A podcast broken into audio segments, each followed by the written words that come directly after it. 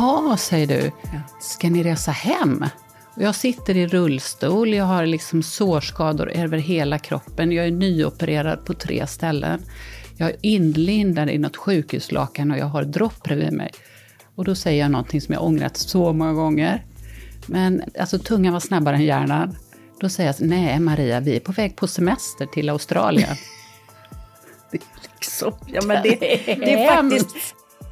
Den förmågan, jag får också en ökad förmåga att lyssna på andra människor.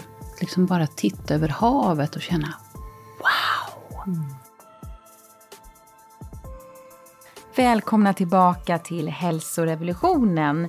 Ja, du kanske redan har lyssnat på vårt uppsnack inför dagens möte.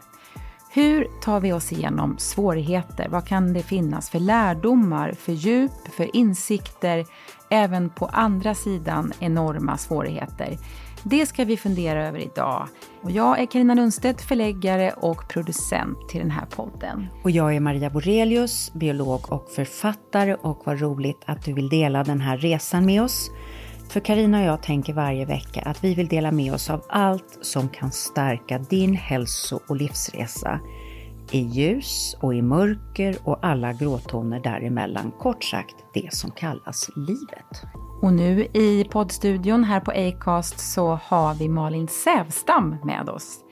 Malin är yogalärare, coach och föreläsare och känd som en av dem som varit allra modigast med att berätta om sin och hennes familjs långa resa efter att de var med om tsunamin 2004 i Thailand. Och i inledningen, vårt uppsnack som ligger som ett separat avsnitt, så berättade vi mer om att Malin och Maria har en gammal historia bakom sig och en gemensam mycket nära vän som reste med Malin till Thailand den där julen 2004. Mm. Malin, och nu ses vi igen mm. efter alla de här åren. Fantastiskt. Och få krama dig mm. nu. Det var, kändes, känns väldigt bra. Ja. Berätta först, var är du nu i livet? Så jag är på en väldigt bra plats i livet. Jag är otroligt tacksam. Jag är så tacksam för att eh, jag känner att jag är kär i livet. Och jag får glada pip i magen mm. varje dag. Och jag jobbar mycket för att få glada pip i magen. Mm. Tränar på det. Men jag känner mig eh, jag är tacksam. Mm. Du eh, beskriver det som att du har varit på livets botten. Mm. Mm. Berätta, vem var Malin innan tsunamin? Eh, Malin före tsunamin, det är lite svårt för mig att säga, men jag tror att hon var en eh, ganska framåtlutad individ. Du träffade ju mig innan tsunamin. Ja, du var framåtlutad. Mm. Mm. Eh, På ett väldigt levde, positivt sätt. Ja, det var roligt bra att du ja. säger det. Ja. Men jag, jag levde ju liksom det perfekta livet. Som jag, när jag beskriver det, brukar kalla för prinsesslivet. Jag hade allt man kunde önska sig av yttre härligheter i livet. Jag hade en fantastisk man, vi hade tre mm. underbara barn. Jag hade ett kanonjobb. Eh, vi bodde som prins och prinsessa, nästan. Och jag kände att allting som vi la på hög på det där livsberget det var som en försäkran för att ingenting skulle kunna gå fel. Mm. Det var precis som vi byggde vår livsborg. Så att jag byggde liksom ett skydd mot mig och det som absolut inte fick hända. Mm. Trodde jag. Mm. Det var storm i somras och det har ju varit oroligt väder och på Instagram så skrev du liksom att det drar i dig när det blir oroligt väder. Mm. Jag fixar inte blåst. Nej. Och jag fixar inte ljudet av naturen när naturen blir upprörd. Mm. Då händer det någonting på insidan i min kropp. Mm. Jag kan inte beskriva vad det är. Och eh, även om jag rationellt förstår att jag är på en säker plats så händer det saker inne i min kropp. Mm. Och eh, då har jag ju andra tricks nu i dagsläget som jag kan använda för att inte totalt gå under mm. Eh, själv. Mm. Så jag liksom jobbar ju jättemycket med detta med att mm. okej, okay, nu känns det inget bra. Jag förstår varför inte det känns bra och det är okej okay att det inte känns bra. Mm. Och det här kommer inte vara för evigt. Och möjligtvis att det kommer slå ner en tegelsten i pannan på mig här, men det, ja, det kommer mm. förändras det här också. Mm. Ni var tio som reste ner till Kaulak. Mm. Du, min väninna och era två familjer. Mm. Och fyra kom hem av de tio. I din familj så kom du och din son hem. Mm. Två av fem. Och dessutom höll du själv på att dö i flodvågen som, som alla andra eftersom det är en sån brutal kraft. Så liksom att både själv hålla på att dö och förlora de man älskar. Det här är ju en nivå av trauma som man kan jämföra med att vara... Det är liksom förintelsenivå på det. Det är som att dö i ett krig. Mm. Det är som att, att vara i fronten i Ukraina. Så hur kan ens hjärna ens ta in allt det som händer efter det här kaoset? Så jag har tänkt mycket på det. Jag tänker att den mänskliga hjärnan är fantastisk för att den kan inte ta in det. Mm. Utan det finns på något sätt en spärr, som jag upplever det, så att det sipprar in insikten om det som har hänt. Det sipprar in långsamt in. Mm. När jag fick beskedet om att Mats hade dött på sjukhuset. Om jag då hade samtidigt fått beskedet om att äh, Harald och Elsa också hade omkommit, att Madeleine hade försvunnit. Mm. Att, nej. Så att jag, jag, jag sköt allt det där andra bortom, bort från mm. mig. Och hade liksom den uh, verkligheten som jag verkligen stod inför. Och det var att Mats var för död. Mm. Och dina andra barn var försvunna mm. så länge. Stor skillnad. Mm. Mm. Och den sista kontakten vi har i detta kaos jag flyger då hem från Malaysia och möter på flygplatsen i Bangkok alla tsunamiöverlevare som var vita ansiktet och så hade de stora pandaögon. Eh, och med mycket sår och skador. Och då, vi pratade på flygplatsen i telefonen. Och då, du glömde att säga en sak om dig också Malin, alltså du har ju alltid haft en sjuk humor. En äkta Göteborgshumor och den är svart som synden ibland. Och vad så säger, även tungan. Så även tungan. Och då, då säger du, en, när jag får tag i dig helt oväntat, för vi vet ju inte om Madeleine lever och ingenting, då säger du en odödlig kommentar till mig. Så jag frågar, hur, hur, hur är det? Hur går det, Malin? Lite stammande. Och då säger jag till dig att vi sitter vid, på flygplatsen i Bangkok. Jaha, säger du. Ja. Eh, ska ni resa hem? Och jag sitter i rullstol, jag har liksom sårskador över hela kroppen. Jag är nyopererad på tre ställen. Jag är inlindad i något sjukhuslakan och jag har dropp bredvid mig. Och då säger jag någonting som jag ångrat så många gånger. Men alltså tungan var snabbare än hjärnan. Då säger jag, nej Maria, vi är på väg på, till sem på semester till Australien. liksom. Ja, men det, det, är faktiskt, det är faktiskt Malin som en sån här Monty Python-film. Ja, men jag tänker på så här, The Life of Brian, eller hur? Den är fruktansvärt. Ja. Tyken, som vi säger i Göteborg.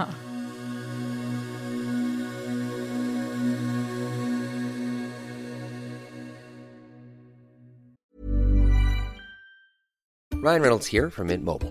With the price of just about everything going up during inflation, we thought we'd bring our prices down. So to help us, we brought in a reverse auctioneer, which is apparently a thing. Mint Mobile unlimited premium wireless. Ready to get 30, 30, bit to get 30, bit to get 20, 20, 20, bit to get 20, 20, bit to get 15, 15, 15, 15 just 15 bucks a month. So, Give it a try at mintmobile.com/switch. slash $45 up front for 3 months plus taxes and fees. Promo rate for new customers for limited time. Unlimited more than 40 gigabytes per month slows. Full terms at mintmobile.com. Everyone knows therapy is great for solving problems, but getting therapy has its own problems too, like finding the right therapist, fitting into their schedule, and of course, the cost. Well, BetterHelp can solve those problems. It's totally online and built around your schedule. It's surprisingly affordable too. Connect with a credentialed therapist by phone, video, or online chat, all from the comfort of your home. Visit betterhelp.com to learn more and save 10% on your first month. That's BetterHelp H E L P. Life is full of what ifs, some awesome, like what if AI could fold your laundry? And some, well, less awesome, like what if you have unexpected medical costs?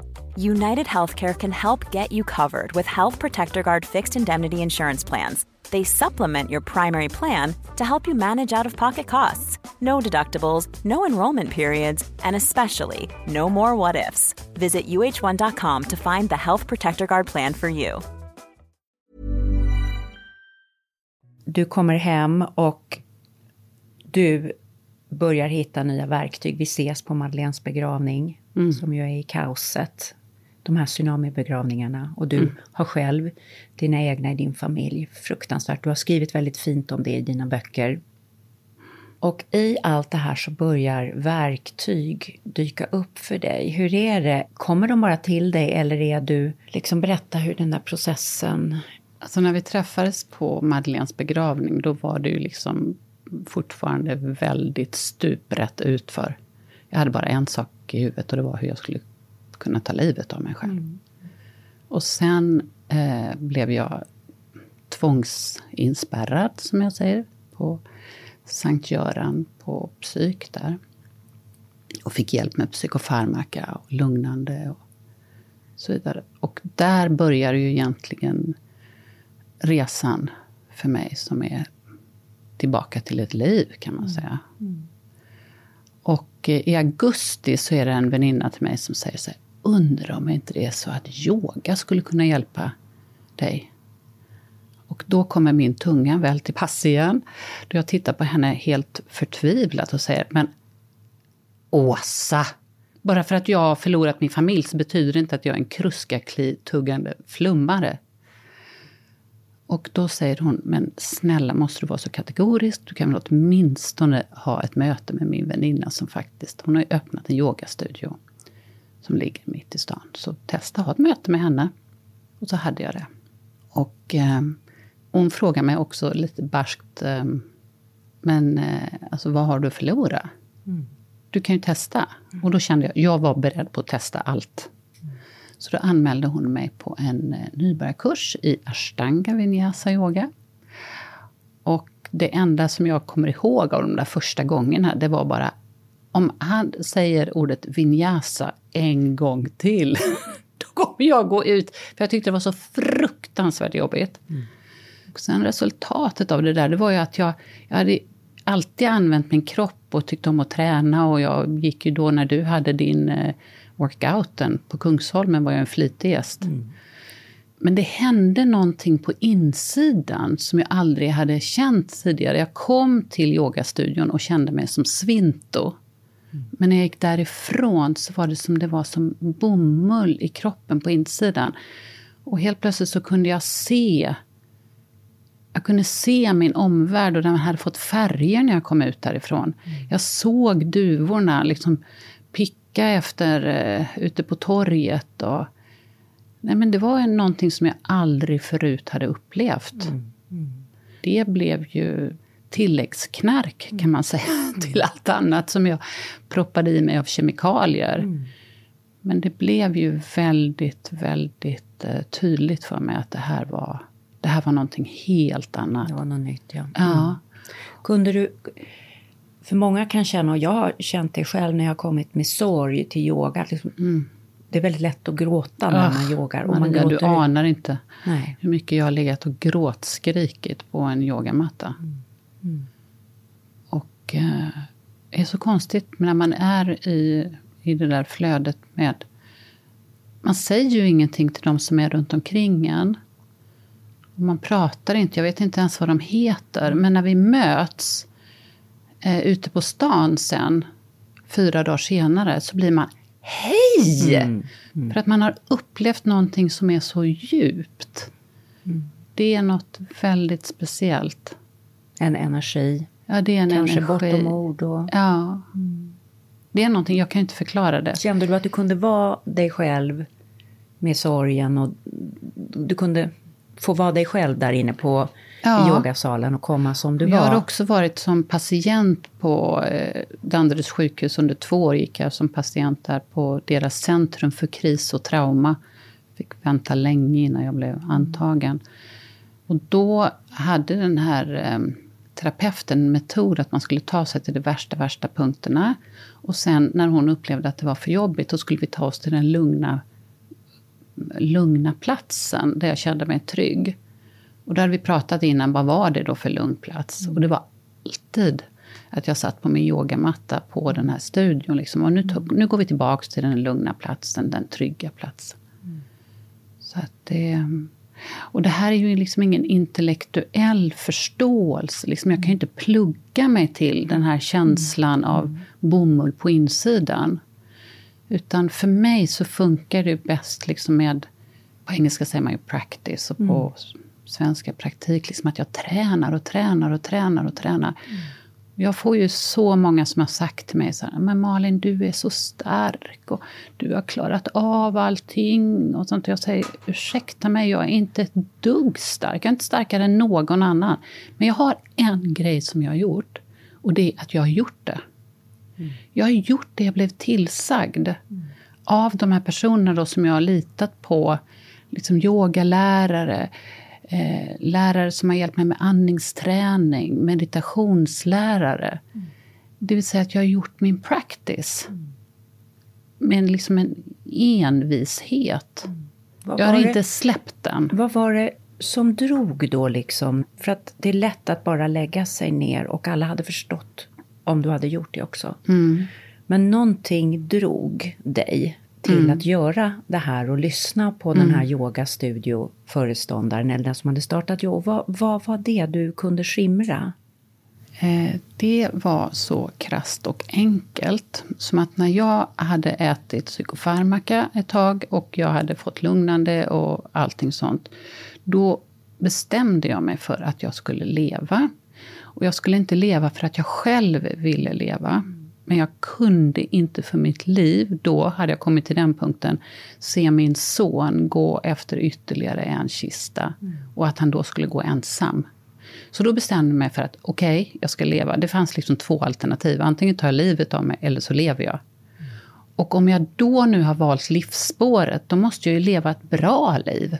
Jag kan ju inte vara som en gammal elefant som går runt liksom vattenreservoaren och bara väntar på att dö. Utan jag ska leva ett riktigt, riktigt bra liv. Mm. Utan att ramla ner i bitterhet. För det har vi alla människor. Liksom anledningar och liksom, why me? Mm. Varför, varför, är det jag som inte hittar den här härliga killen? Eller varför blir alla andra gravida och inte jag? Och hur kommer det sig att alla andra får det där perfekta jobbet och inte jag? Och varför, varför är min man alkoholist och inte de andras? Mm. Och, ni vet, hela vägen i livet så har vi de här tillfällena att säga Why me? Mm. Och eh, jag bara känner att livet är ju, det är ju en guppig resa. Mm. Mm. Med massor med snubbeltrådar.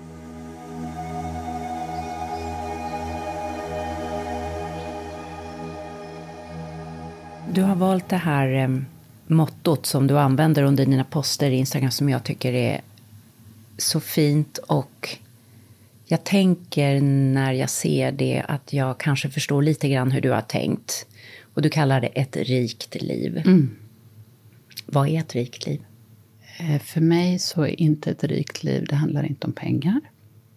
Utan ett, jag var på en underbar grej i våras, jag var på en sån här full moon ceremony i Palma. Jag har gjort massor med olika såna här lite halvskumma saker. Men då var det vi, var jätte, och då skulle vi skriva olika saker på papper.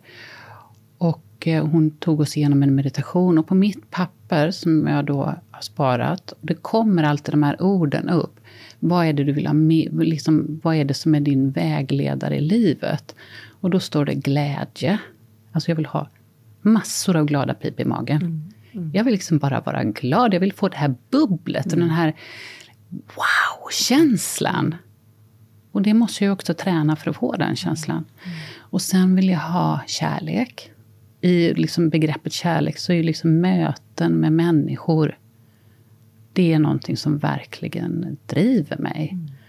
Och, um, och jag känner att jag får så mycket kärlek och jag har också möjlighet att ge kärlek och stött, stötta personer runt omkring mig. Jag kan se också man träffar unga kvinnor och de kämpar och du vet det är småbarn och det är jobb. Och, jag menar de har ju sina gupp på sin resa. Och då kan jag då vara den liksom tanten som hjälper och kommer med lite det löser sig. Mm. Det är, så känns det nu med This is not for life. Mm. Det kommer ändra sig. Även mm. om du går upp fyra gånger på natten så kommer du inte göra det när han är 18 år, jag lovar. Mm.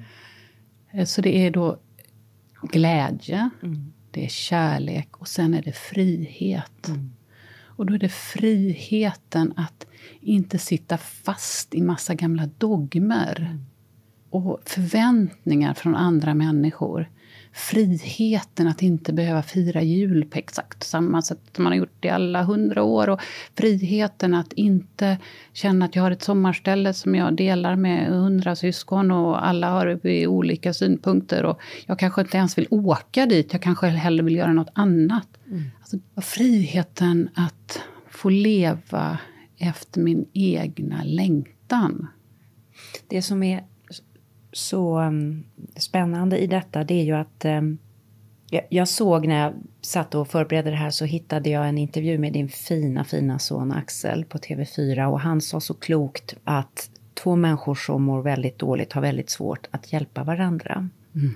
Och um, det är ju så att när vi är i botten och är med om extrema svårigheter och i ditt fall traumanivå svårigheter att inte bara ta upp sig själv, men att liksom gå till nästa nivå. Nu är du, Malin, en som lyfter andra människor. Och, och det, det snällt sagt. Ja, men, och, och, du ordnar retreats och är en människa som andra kommer till med förtroenden. Det är ju att lyfta sig liksom två gånger. Att, att både orka hantera om det man själv varit med om och sen kunna se andra. Och vad, vad tänker du om det? Är det två helt olika saker eller hänger de där ihop? Eller? Så det här är ju inget som man bestämmer sig för förväg. Det låter väldigt fint när du säger det. Jag hoppas att det ligger en gnutta sanning i det, att jag kan hjälpa andra.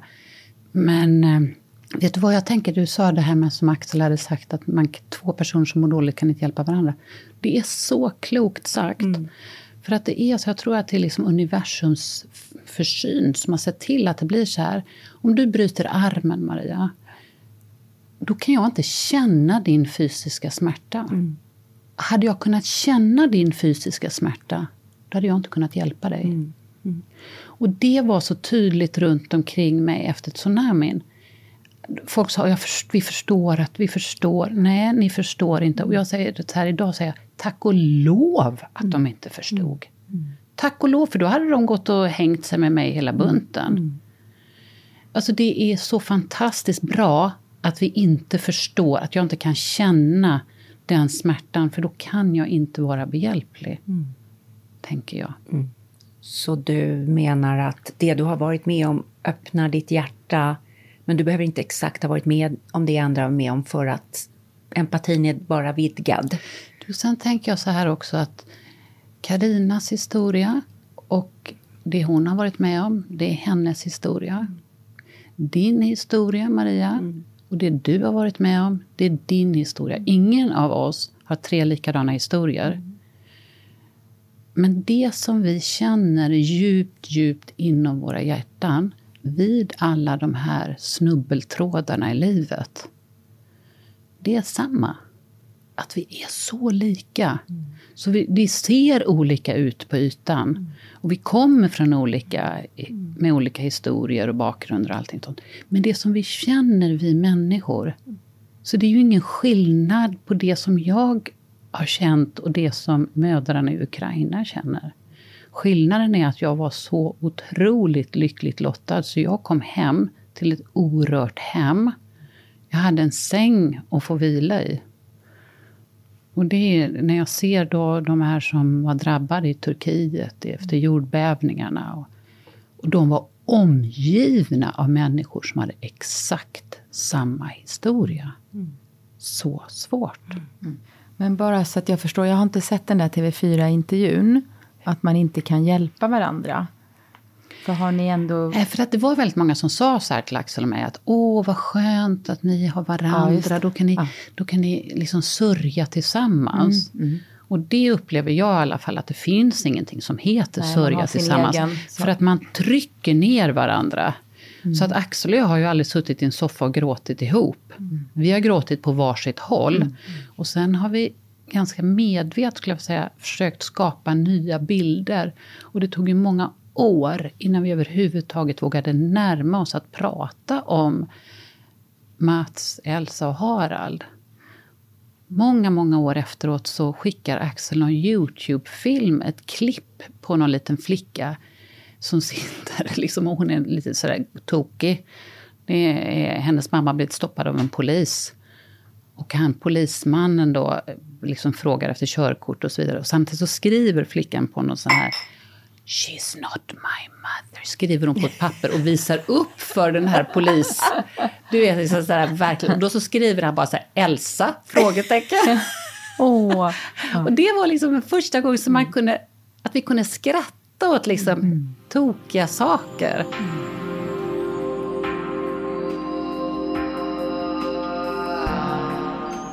Jag tänkte att vi skulle ge de som har försvunnit lite värdighet och bara berätta vilka de var. Ska mm. vi göra det? Din fina man Mats, mm. som jag minns så väl. Så himla varm och humoristisk. Berätta, vem väldigt, var han? Väldigt rotad. Generös person. Trygg. Otroligt kärleksfull. Och en fantastisk pappa. Det var väldigt enkelt att leva mm. med Mats. Mm. Väldigt enkelt. Mm. Han dog ju också för att han letade så efter sina barn, eller hur? Nej, det är en skröna. Är det en skröna? Mm. Berätta. Axel, Mats och jag och Madeleines äldsta son eh, åkte i samma lilla tuk-tuk upp till ett sjukhus som eh, ligger norr om Kaolack. Taquapa. Och eh, där var vi hela bunten. Mats tog sig ner till receptionen och kom upp sen och så säger han Titta vad jag hittade. Och bredvid honom så står den sönderslagen Anna. Madeleines yngsta flicka. Så vi var, vi var med både Madeleines överlevande barn och Mats, Axel och jag. Och Mats hade fått förfärligt mycket skräp i lungorna och mådde jätte, jättedåligt. Och allting hände ju en söndag morgon och detta var då på tisdagen. Fick vi skjuts ner till eh, Alltså han, han var inte utanför mm. sjukhuset. Han, låg, han kom tillbaka, vi andra låg på golvet och han kom tillbaka och sa Jag har haft en säng att sova på. Men sen så för, fick han ju inte flyga med det här militärflygplanet som vi andra, eller just det, vi andra flög. Så att han, de behöll honom mm. på Puckets sjukhus. Mm. Och där omkom han då. 30 mm. december. Mm. Så att han var inte ute och letade? Han var inte, han låg Nej, men det har stått i media? Ja, stått mm. i media. Mm. Och Harald och Elsa, jag minns dem också Malin. Mm. Så ju... söta, blonda, gulliga små ungar. Mm. mm. Ja, eh, Harald skulle precis fylla 12 och vi hade pratat mycket om detta med att bli 13. Han sa så här, jag kommer fylla gubbe nästa gång. Det var när han skulle fylla 13. okay. Det skulle han gjort i april. Mm. Men han hann aldrig fylla gubbe. Mm. Eh, väldigt, väldigt klok och eh, en kommunikativ personlighet. Han var och väldigt eh, bright. Han var smart. Och sen Elsa som var jättetokig. Hon skulle mycket väl kunna ha skrivit den här skylten till och visat upp för polisen. Mm. Jätterolig och stark. Vi brukar alltid säga det att Elsa hon höll hela vårt familj i ett järngrepp. Vi allihopa gjorde som hon sa. Mm. Mm. Och sen var det ju Madeleine. Sen har vi Madeleine också. Ja. Mm. mm. Som, ja, alla killar var kära i Madeleine. Ja.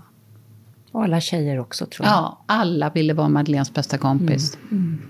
Så en fantastisk, eh, vacker varelse med så mycket humor. Mm. Och så mycket hjärta. Mm. Mycket ljus och, och, ändå lite svart Göteborgshumor. Ja. Väldigt attraktiv kombination. Ja. Så fin personlighet. Mm. Mm. Jag måste bara fråga dig, när såg du sista gången Madeleine? Till frukosten, innan eh, vattnet kom. De var lite senare till frukosten. Mm. Så vi hade i princip avslutat. Vi satt liksom med tomma tallrikar och de kom och plockade. Och så satt vi och pratade med dem en stund och så hade vi bestämt att vi skulle leka det finns, fanns någon konstig serie på tv. Man röstade ut varandra. Man var på öar. Robinson. Robinson hette det.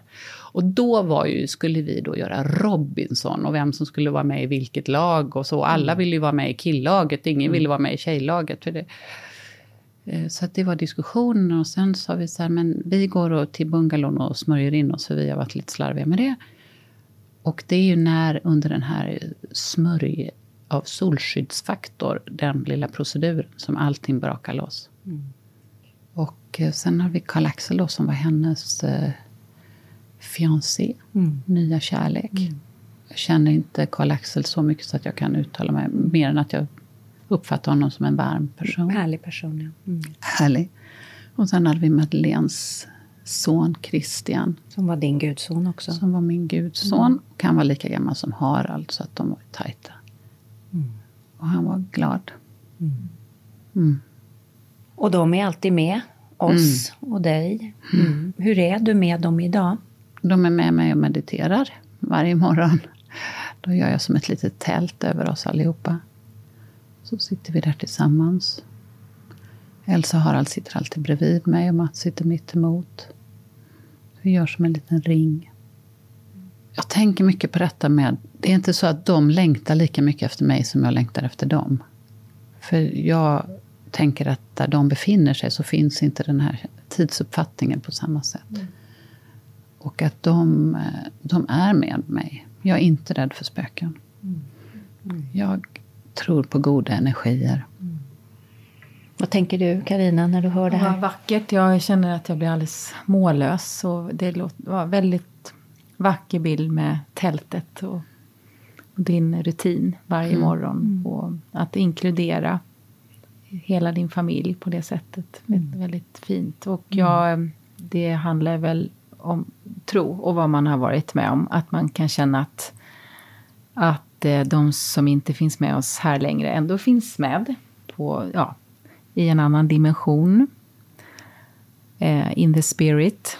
Och det är väldigt vackert tycker jag. Och jag har också läst ja, men en del om det. Ja, men det är väldigt spännande det här med, liksom, med vår, vår tidsuppfattning här på jorden. Och vad är tid egentligen? Och vad är energi? Och vad är, vad är närvaro? Vad är att känna någons närvaro?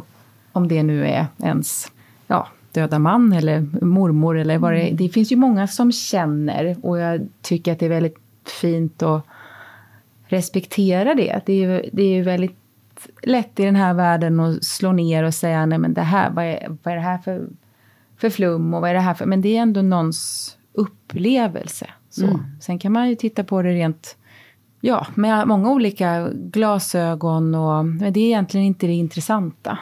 Utan det intressanta är hur vi, hur vi minns våra familjemedlemmar och, och hur vi eh, ärar deras minne och hur vi inkluderar dem i samtalen. Och i, i ditt fall meditationen varje morgon. Så jättevackert. Mm.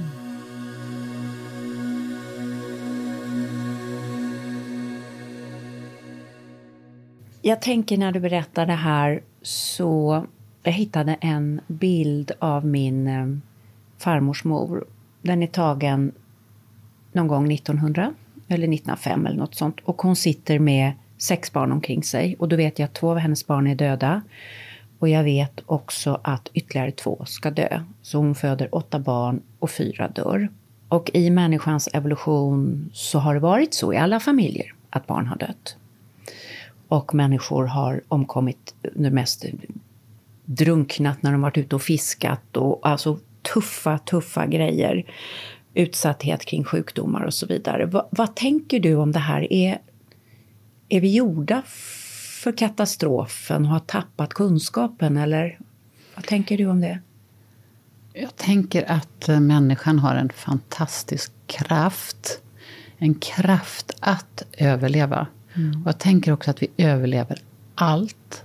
Även vår allra, allra värsta mardröm överlever vi. Om vi inte hinner ta livet av oss på vägen. Så mm. krasst är det. Mm. Men eh, jag tänker också att om man inte hade om inte vi människan hade haft den här kraften så hade inte människan överlevt som mm. släkte. Mm. Eftersom vi har förmågan och känna och att relationer betyder så mycket. Jag tycker att eh, vi idag lever med ett jättestort problem och det är att vi tror att livet ska vara helt perfekt. Prinsesstillvaron. Prinsesstillvaron. Vi tror det. Alltså jag levde ett väldigt oreflekterat liv och jag trodde att det var normen, det mm. livet jag levde. Mm. Jag förstod inte att livet är att vara människa. Mm.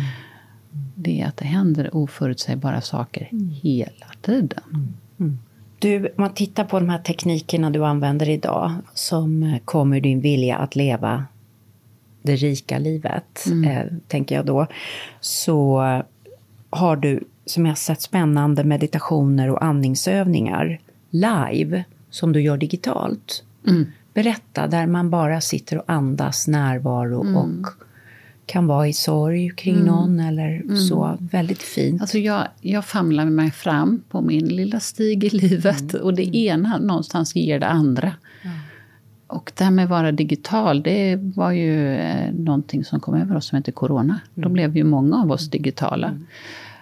Så jag har eh, online meditationskurser egentligen, där vi, jag delar med mig av min erfarenhet om livet och insikter. Och där vi både har andningsträning och sittande meditationer och så vidare. Och det är någonting som man anmäler sig för. Liksom. Jag committar mig åtta veckor. Men sen har jag också kommit på det att de här förfärliga dagarna. Jag har ju ganska många. Det är födelsedagar och det är årsdagar och det är hej och hoppsan-dagar. Det är hemskt. Och så många år när jag bara ville rulla ihop mig som en kåldolm i en filt och bara själv ömka mig själv. Men sen tänkte jag så här, nej, nu, alltså nu ska jag göra någonting annat. Så att nu på de här dagarna här jag har gjort under det sista året, födelsedagar och årsdagar, att jag bjuder in till en kort meditation med mig. Och då får jag ju personer som skriver till mig och säger att ja, jag vill jättegärna vara med. Och då skickar jag en länk och vips så är vi plötsligt 40, 50, 60 personer som sitter en halvtimme. Och eh, jag leder en guidad meditation och eh, man, eh, jag tänker att vi allihopa har våra kullerbyttor. Mm. Att eh, vi allihopa har någon mormor eller någon, någon som vi saknar eller något annat i livet som behöver bara stanna upp och vara med, orka vara med det en stund. Mm. Du gör retreats också i långkalsonger som du har beskrivit det för mig. Ja. Inga smycken inga fina väskor, utan där du vill ha det här avskalade. Eh, för det första, är det riktiga långkalsonger? Nej, det är då tränings... Det är yogabrallor. Jag tyckte det lät så härligt. Jag tror att det skulle bli lite varmt. Nej, det är yogakläder. Eh, nej, men det är ju fantastiskt med det här om man har en lite längre eh, några fler timmar än bara 90 minuter som är en normal yogaklass. Att man kanske har två övernattningar, eller tre övernattningar, eller fyra. Där man får en möjlighet att prata med varandra och vi, vi verkligen hinner testa alla de här verktygen. Och de här verktygen väldigt mycket som jag uppfattar, som jag brukar skoja om, det är att det är precis som man kör en piprensare ner i systemet där de fysiska yogarörelserna, de som jag tyckte var förfärligt jobbiga i början, det är som att jag kör en sån här gammaldags piprensare ner igenom liksom muskler och eh, blodomloppet och rensar upp så att det blir rent, så att det blir luftigt.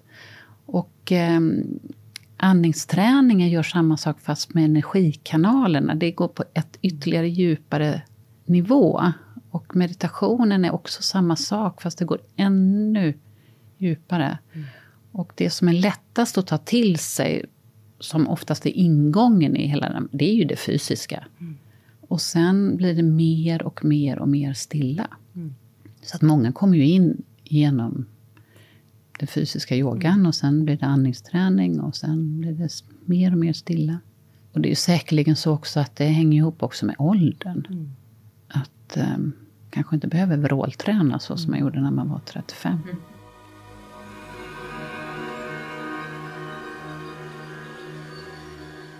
Du, ehm, du undervisar också i konsten att vara närvarande för ledare och jag tänker också den gamla Malin, hon var en mm. ledare mm. ute i mm. näringslivet.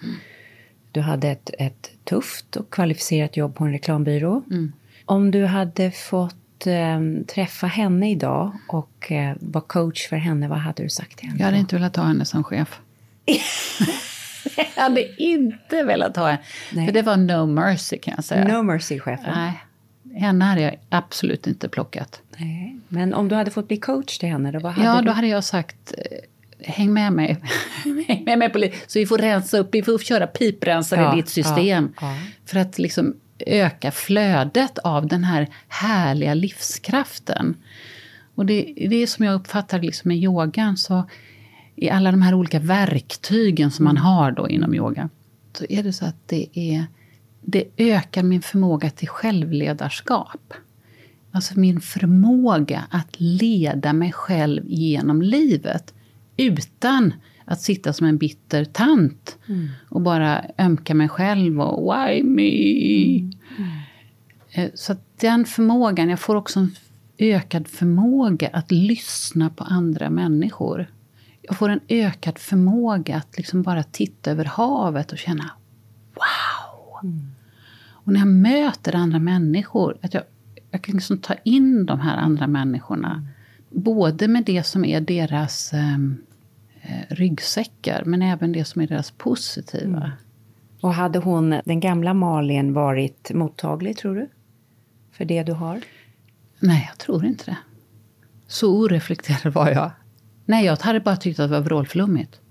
Mm. Men nu har allting förändrat sig. Ja. Jag menar då, 2004. Det var en tid också. Hade jag, liksom ingen, jag hade ju ingen aning, jag hade knappt hört talas om Nej. det här med yoga. Nej.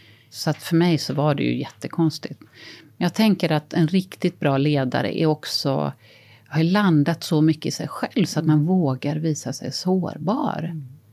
Alltså man vill inte ha en chef som liksom där allting är, är perfekt på ytan. Mm. Den personen, Men det är som när du träffar folk på en fest. Man frågar så här hej, hur är det, hur mår du? Men det är bra, det är jättebra, det är jättebra. Ja, sen har du ingenting mer att prata med den personen nej, om. Nej. Förutom vad han har gjort på semestern eller... Mm. Alltså sen är det samtalet dött. Istället för att säga, ja men, du, ja men tack för att du frågar och du vet det. Peter, vi har haft det lite kämpigt och så, men nu har vi gått i terapi och det, liksom, det känns lite bättre. Eller, jag menar, då helt plötsligt då finns ju ett mm. samtalsämne. Mm det är i nollpunkten vi relaterar till varandra, det är ju som du sa också. Mm. Du, jag tänker din berättelse här, eller din, det du har varit med om. Jag kan tänka att det öppnar mycket i andra människor som kommer till dig mm. och vill prata med dig. Och eh, jag frågar lite, för jag, jag har också skrivit om saker jag har varit med om och jag märker mm. det öppnar saker i andra människor. Mm. Och jag har pratat också med många läkare om det här. Liksom, hur hittar du balansen mellan att vara empatisk och att inte drunkna? Alltså egentligen så är det ju jätteenkelt. Jag är ju inte liksom en professionell terapeut.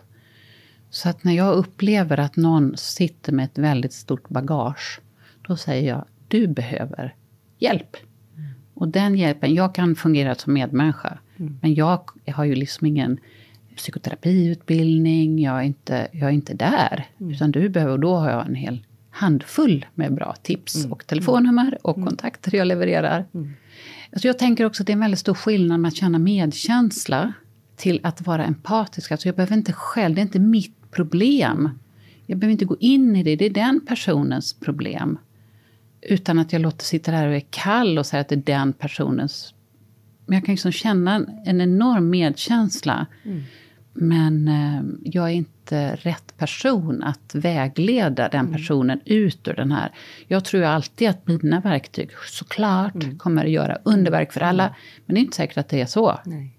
Men det här är en balansgång. Mm. Alla, alla som sysslar med, med människor i nöd har detta. Mm. Och man får... För, jag tror att det är viktigt att förstå det i sig själv också. För när man ta, börjar ta upp svåra saker så sätter det igång. Det öppnar upp kanaler och ger en tillåtelse mm. för andra människor att berätta.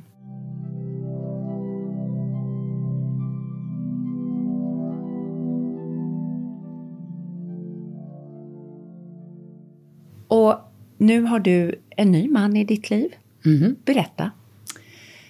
Denna nya mannen hade jag känt sedan tidigare. Och han var faktiskt eh, min gamla chef.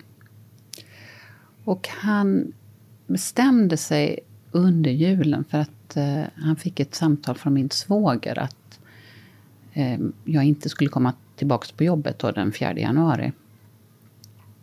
Och då bestämde han sig för att han skulle åka ner och hjälpa oss. Så han flög tillsammans med en av Mats och mina absolut närmaste vänner, Göran. Eh, flög de ner till Bangkok och eh, det var också då Ulf och Göran som kom med beskedet till mig att Mats hade dött. Så vi har verkligen eh, varit nere i det djupaste av alla grotthål tillsammans. Och sen flög de till Kaulak och letade efter barnen och gick igenom alla listor och var på alla de här templen och så vidare. Och sen kom vi hem och ja, jag menar, han fanns där bara i närheten sådär som en kollega. Och, eh, eller kollega, jag jobbade ju inte, jag var bara som ett asplöv. Men sen är det väl i mars, tsunamin var ju annandag jul, så låt säga att detta kanske var i början på mars. Då borrar min eh, terapeut och även präst och själasörjare Louise Linder. Och borrar hon upp sig lite grann i terapistolen och så tittar hon finurligt på mig och så säger hon så här, men Malin, har du tänkt på, har du funderat på hur det kommer bli nästa gång du ska ligga med en man? Och då är vi ju liksom avklarade med Mats begravning och allting. Och jag, alltså jag, jag tror sällan att jag har tappat talförmågan. Nej, det är inte din grej. Alltså då tungan föll rakt ut ur munnen, det kan mm. jag säga. Och jag bara tänkte, vad är det här? Men det är tre månader senare? Alltså ja, det, det var tre, nära. fyra månader. Nu Men, är kanske mitt minne... Det har inte gått så lång tid i alla fall. Det, in, det var på vårkanten. Och jag säger, är du klok på riktigt? Jag menar, alltså, vad är det för fråga att ställa? Jag kommer aldrig träffa en ny man. Jag kommer aldrig visa mig naken för en ny man, någonsin. Det kommer inte finnas. Nej, nej, nej, sa hon. Nej, nej, nej, nej, ta det inte så. Liksom bara coola ner dig. Det här är ju ingen så. Det var bara liksom en vänlig fråga. Någonstans långt in i järnbarken så hade väl hon sått ett frö till det som var helt omöjligt för mig att tänka på. Och eh, ja, men Ulf fanns ju där i närheten och han bara dök upp och han var med Axel på elevsamtal och han pluggade matte med honom. Och, alltså jag bara kände att det var en fantastisk person. Och jag blev också väldigt, väldigt glad så fort jag fick ett sms från honom. Och till slut så blev det som att de här smsen, att jag blev som en ni vet en tiger som ser att det ligger en antilop och bara vill kasta mig över. Så, så fort det plingar till i min telefon och så var det något från honom så var det precis som jag drack den här informationen. Och så var det någon annan som hade smsat bara bort med den. Och då började Louise och jag istället prata om vad är det som händer? Vad betyder det här? Och jag sa att jag är livrädd för det här som fladdrar inuti mig. Jag är död inuti. Jag har den djupaste, jag går igenom mitt största helvete någonsin. Och det här är förbjudet och ni vet. Och Louise var bara så, men du är så sträng mot dig själv. Nu tycker jag istället att du ska undersöka vad är det för fladder i magen? Vad är det? Och sen liksom ändrades våra samtal under den sommaren och hösten som kom till att det inte bara handla om döden. Utan det handlade också om det här livspirret. Det, för mig är det en gåta att man i den absolut värsta av eh, alla kriser man kan tänka sig kan känna det här livspirret. Och sen har jag förstått senare att eh, det där är ju ganska, eller det är ju väldigt väl beskrivet i litteraturen av olika sätt. Att, och det här är ju människans kraft. Att man, människor som lever nära död och sorg och sjukdom en lång tid vänder sig mot livet. Och på något sätt slår klorna in i den här liksom livsväggen. Så bara, ah, här ska jag sitta. Mm. Och för mig så blev ju det liksom så, det kan ju vara att man går ut i naturen eller att man ägnar sig åt ett barnbarn. Och för mig så blev det en annan vuxen man som jag blev så totalt störtförälskad i. Mm. Vilken chef. Mm. Vilken chef! Och hon den där Malin före tsunamin, hon kan inte ha varit så dålig heller som fick sin chef att åka halva jordklotet mm, för att rädda henne. Tack Maria. Familj. Mm, tänker jag. Mm. Underbart.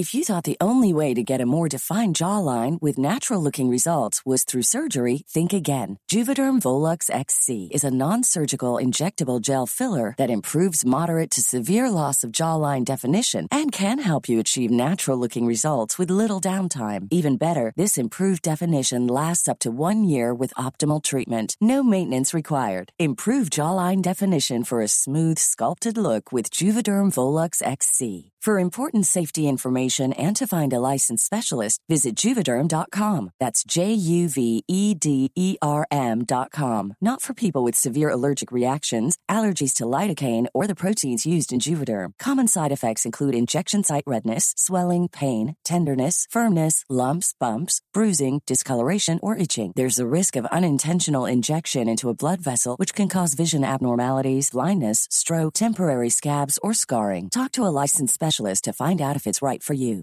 Ready to pop the question? The jewelers at BlueNile.com have got sparkle down to a science with beautiful lab grown diamonds worthy of your most brilliant moments. Their lab grown diamonds are independently graded and guaranteed identical to natural diamonds, and they're ready to ship to your door. Go to Bluenile.com and use promo code LISTEN to get $50 off your purchase of $500 or more. That's code LISTEN at Bluenile.com for $50 off. Bluenile.com code LISTEN. Quality sleep is essential. That's why the Sleep Number Smart Bed is designed for your ever evolving sleep needs. Need a bed that's firmer or softer on either side? Helps you sleep at a comfortable temperature? Sleep Number Smart Beds let you individualize your comfort so you sleep better together. JD Power ranks Sleep Number number 1 in customer satisfaction with mattresses purchased in-store. And now, save 50% on the Sleep Number limited edition Smart Bed for a limited time. For JD Power 2023 award information, visit jdpower.com/awards. Only at a Sleep Number store or sleepnumber.com.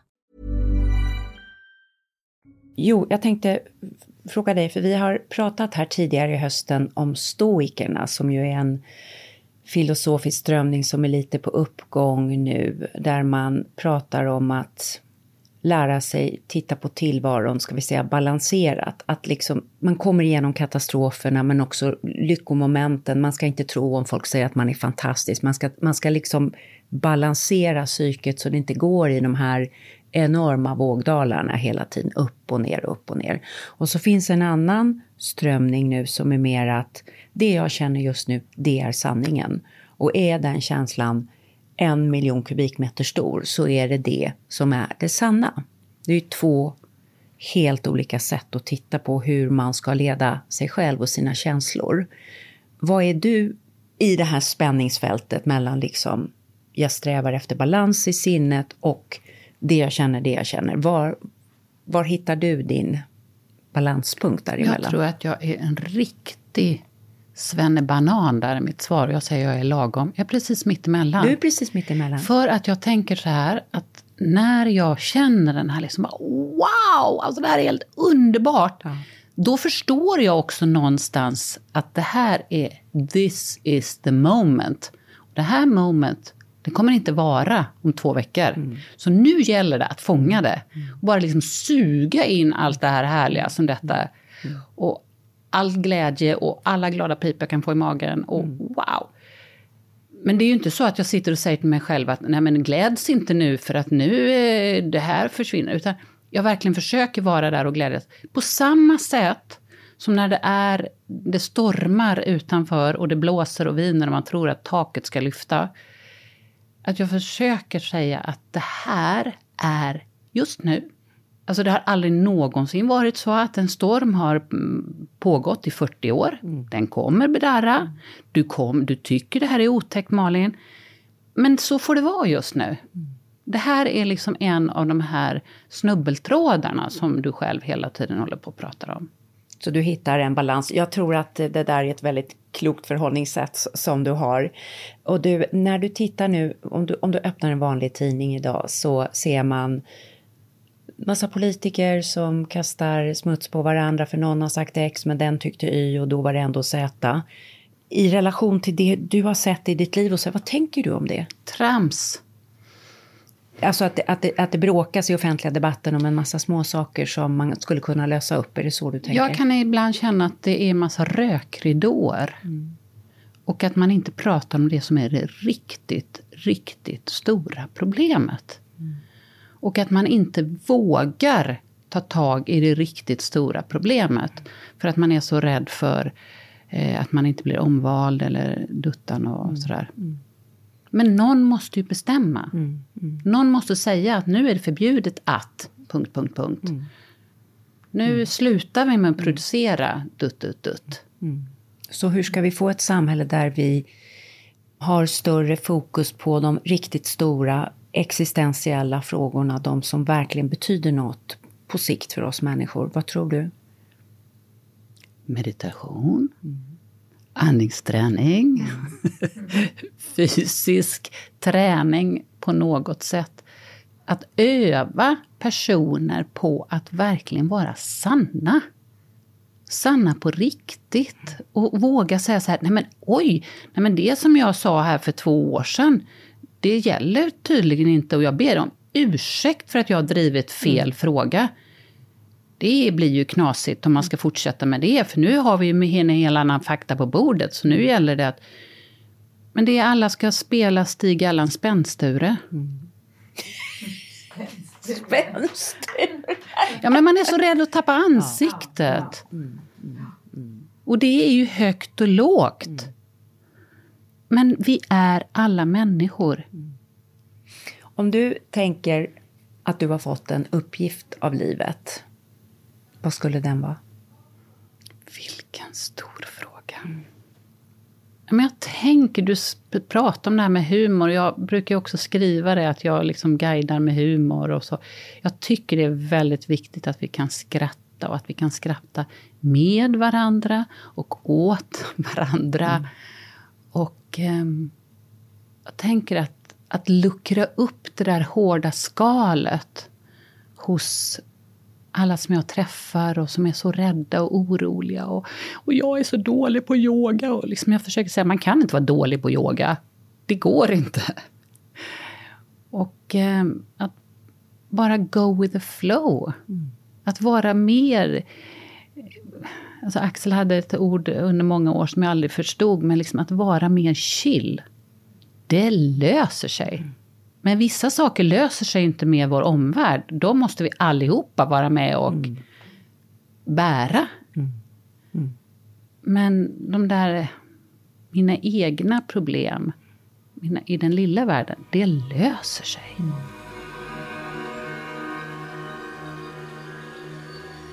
Och nu, var är du på väg nu i livet? Jag vet att du har en massa retreats mm. som eh, kräver enormt mycket planering. Berätta, var, var ska du någonstans? Vad ska ni göra? Eh, jag startar en ny mindfulnesskurs här nästa vecka. Jag eh, är på väg till Dalarna och har retreat. Veckan därpå ska jag åka på något underbart i Alperna som heter Mountain Yoga Festival i Sankt Anton. Wow. Mm. Och veckan därpå är jag på Frötuna gård och har retreat. Så att, nej, men jag känner mig oerhört privilegierad att jag har möjlighet att dela med mig av verktyg och redskap som betyder så mycket för mig, som jag mm. känner dagligen. Och grejen är så här att om jag slarvar ni vet om man, om man bara går och äter på McDonalds i mm. fyra veckor, då har man ju slarvat med sin mm. kosthållning. Jag känner om jag slarvar med min, de andra verktygen, att jag märker det. Att jag liksom blir som en dipp. De håller mig. Det är som the yoga dope, mm. som jag brukar säga. Att det, mm, det lyfter dig. Det lyfter och jag vet att det fungerar. Och fråga mig inte hur. Mm. Men jag känner det händer saker på insidan. Och att mm. jag, man vill ju bara leva livet med lätthet. Mm. Jag vill inte leva livet med liksom 13 ton på mina axlar. Mm. Och det livet vill jag leva oavsett var jag befinner mig. Även den dagen då jag har liksom är full av cancer. Mm. Så vill jag liksom kunna ändå få de här glada pipen i magen. Mm. mm. Mm. Malin, så härligt att få hänga med dig en stund igen. Det kommer bli mer, känner jag. Och eh, Tack för att du ville komma. Tusen tack ja. för att jag fick komma. Ja. ja, tack. Otroligt fint. Ja.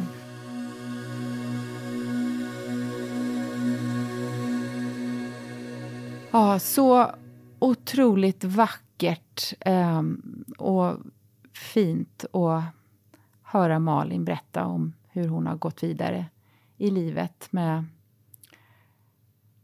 ja, och alltså hittat verktygen. Man, man får ju, hon, hon, har fått höra att hon är så stark och så vidare, men det säger hon att det, det var hon inte. Men, utan, men, men, men att höra om hennes process, jag mm. tycker det är fantastiskt. Och hur hon nu delar med sig. Mm. Jag är liksom för personligt berörd av det jag har fått höra idag, så jag mm. kan inte liksom säga någon här, Förstår du vad jag menar? Utan det, ja, ja, ja, det, det har kommit alltså så mycket saker, det berör mig så personligt. Och eh, jag känner bara att Malin har fått en stor uppgift av livet. Mm. Mm. Det är det som jag kommer ur det här med. Mm. mm. Modigt att... Och det var så roligt att träffa henne igen. Ja, och, jag, alltså, och det här att leta efter det här lyckofladdret. Alltså det, mm.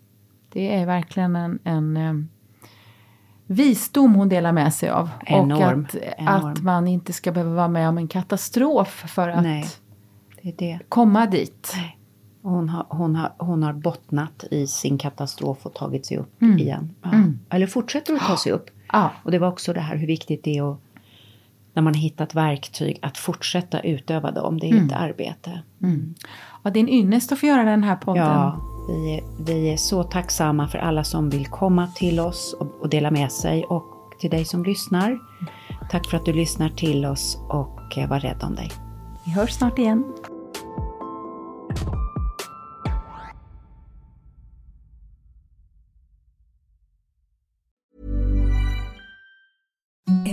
The softest sheets you've ever felt. Now imagine them getting even softer over time. That's what you'll feel with Bowl and Branch's organic cotton sheets. In a recent customer survey, 96% replied that Bowl and Branch sheets get softer with every wash. Start getting your best night's sleep in these sheets that get softer and softer for years to come. Try their sheets with a 30-night guarantee. Plus, get 15% off your first order at bowlandbranch.com. Code BUTTERY. Exclusions apply. See site for details.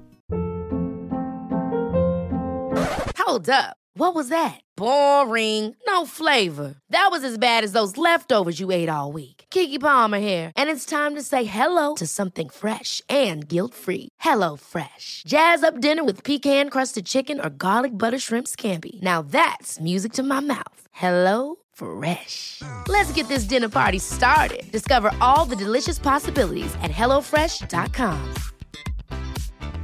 Mom deserves the best, and there's no better place to shop for Mother's Day than Whole Foods Market. They're your destination for unbeatable savings, from premium gifts to show-stopping flowers and irresistible desserts. Start by saving 33% with Prime on all body care and candles. Then get a 15-stem bunch of tulips for just $9.99 each with Prime. Round out Mom's menu with festive rosé, irresistible berry chantilly cake, and more special treats. Come celebrate Mother's Day at Whole Foods Market